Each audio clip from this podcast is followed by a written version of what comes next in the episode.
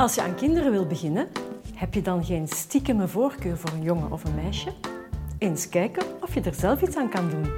Dat doet me denken aan de niet zo wetenschappelijke artikels uit bepaalde lifestyle-bladen. We gaan eens kijken of daar een bron van waarheid in zit. Bepaalt het standje of je een jongen of een meisje krijgt? Vanuit Hartje Brussel, dit is de Universiteit van Vlaanderen.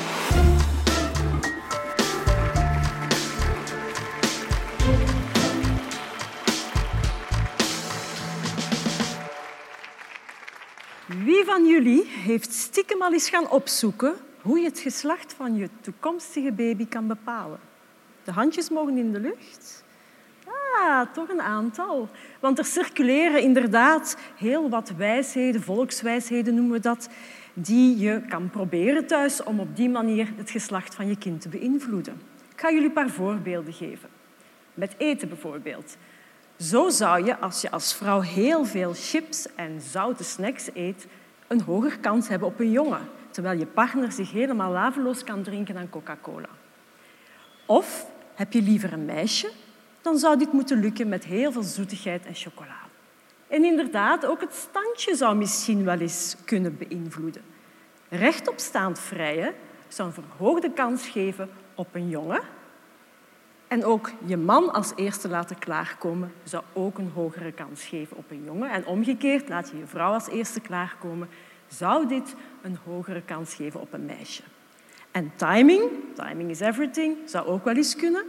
Zo heb ik ergens gelezen dat bij volle maan vrijen of op de even dagen heb je een hogere kans op een meisje en op de oneven dagen een hogere kans op een jongen. Is er hier iemand die ook eens iets geprobeerd heeft van deze volkswijsheden? Nou, wat een braaf publiek. Nee. Nu, waarop zijn deze volkswijsheden gebaseerd? Wel, die zijn gebaseerd op het idee dat er mogelijk een verschil zou zitten tussen de zaadcellen die het Y-chromosoom met zich meedragen en de zaadcellen die het X-chromosoom met zich meedragen. En hier heb ik al heel wat moeilijke woorden uitgesproken, namelijk chromosoom. Dus ook ik ga eventjes een stapje terug en even uitleggen wat is nu eigenlijk een chromosoom. En die chromosomen, voor diegenen die zich dat nog herinneren uit de biologieles, dat zijn die kleine wormvormige structuurtjes die je kan zien onder de microscoop op het moment dat de cel gaat delen. Maar eigenlijk zijn chromosomen niks anders dan ons erfelijk materiaal, ons DNA, dat heel sterk is opgerold. Want je weet dat je zowel van papa als van mama DNA erft. Wij noemen dat het genoom. Je krijgt een genoom van papa, een genoom van mama. En als je dat DNA helemaal zou uitrafelen, die moleculen, dan kom je op een lengte van iets meer dan twee meter. En hoe past nu een molecule van twee meter in een superkleine celkern die je niet eens met het blote oog kan zien? Wel, dat kan alleen maar doordat de DNA is opgerold. En op het moment dat de cel gaat delen, gaat DNA nog veel sterker oprollen en krijg je als het ware de chromosomen. Dus ons ganse genoom, zowel het genoom van mama als van papa, is als het ware in een aantal stukjes geknipt en deze stukjes gaan zich oprollen. En dat zijn inderdaad die 23 paar chromosomen die we kunnen zien in de celkern. En die chromosomen die zijn netjes destijds in de jaren 50 gerangschikt van groot naar klein. Het grootste chromosomenpaar zijn de twee chromosomen 1, het kleinste 22, maar tussen haakjes, we weten ondertussen dat 21 kleiner is dan 22, maar we hebben dat allemaal zo gelaten. Nu, het belangrijkste paar voor vanavond is het 23ste paar, want dat zijn de geslachtschromosomen. En dat zijn twee X-chromosomen bij een vrouw, vrij grote chromosomen, en een X-chromosoom en een Y-chromosoom voor de man.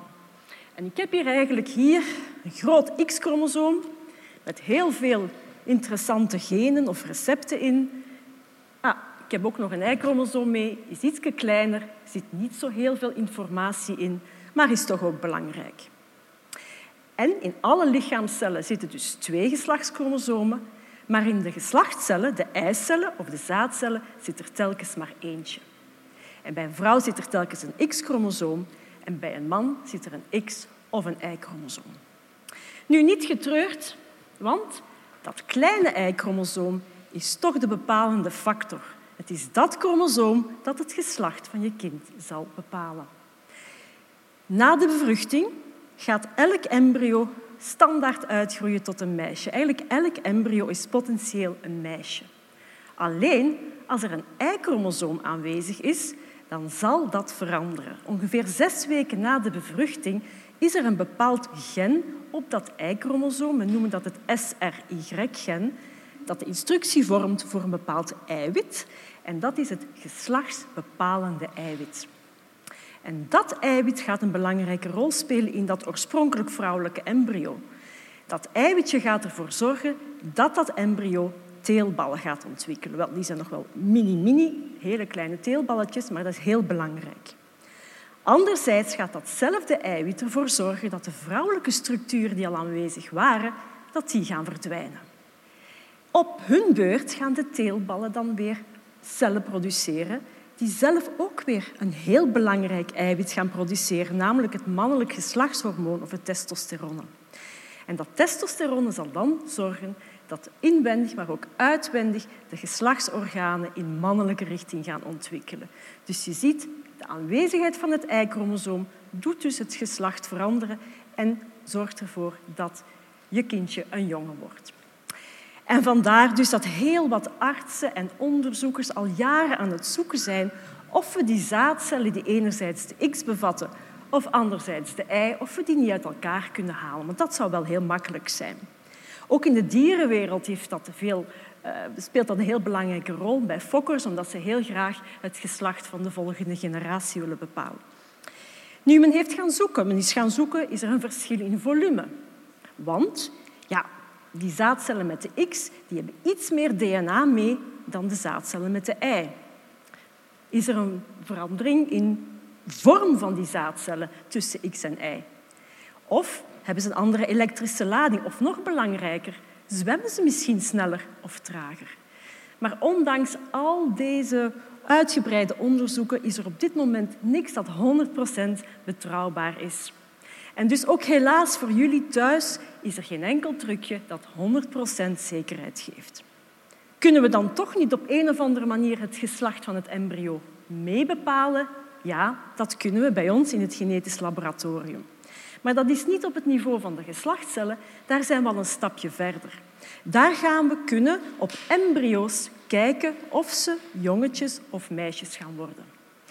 Dit veronderstelt natuurlijk dat je niet op een natuurlijke manier zwanger wordt, maar dat we gebruik maken van de zogenoemde IVF of de proefbuis zwangerschap, waarbij we in het laboratorium de eicellen gaan bevruchten met de zaadcellen.